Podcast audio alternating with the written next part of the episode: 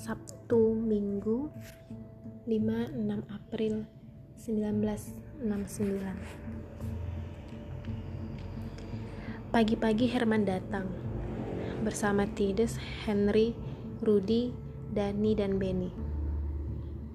Saya acuh tak acuh. Saya berpikir-pikir mengapa saya harus selalu jadi orang baik. Sometimes I just want to be myself. Saya tak mau peduli dengan basa-basi.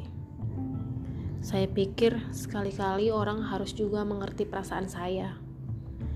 Mengapa harus selalu saya? Dalam perenungan-perenungan ini timbul suatu kesadaran yang pahit sebagai seorang idealis. Sejak lama saya merasa terisolasi dengan sikap excuse terhadap situasi. Saya juga mulai menyadari reaksi ibunya Maria. Mereka, orang-orang tikus ini, senang pada saya karena saya berani, jujur, dan berkepribadian. But not more than that.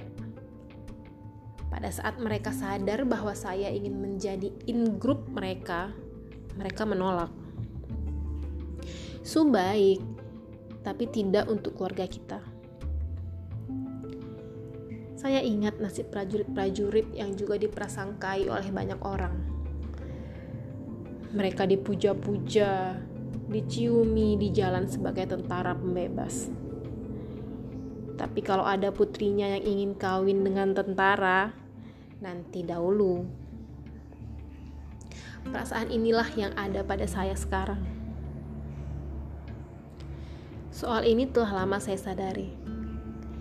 Tetapi pada waktu itu datang sebagai kenyataan, rasanya pedih sekali. Tapi saya tak menjadi emosional. Saya pikir saya jauh lebih tenang dan dewasa.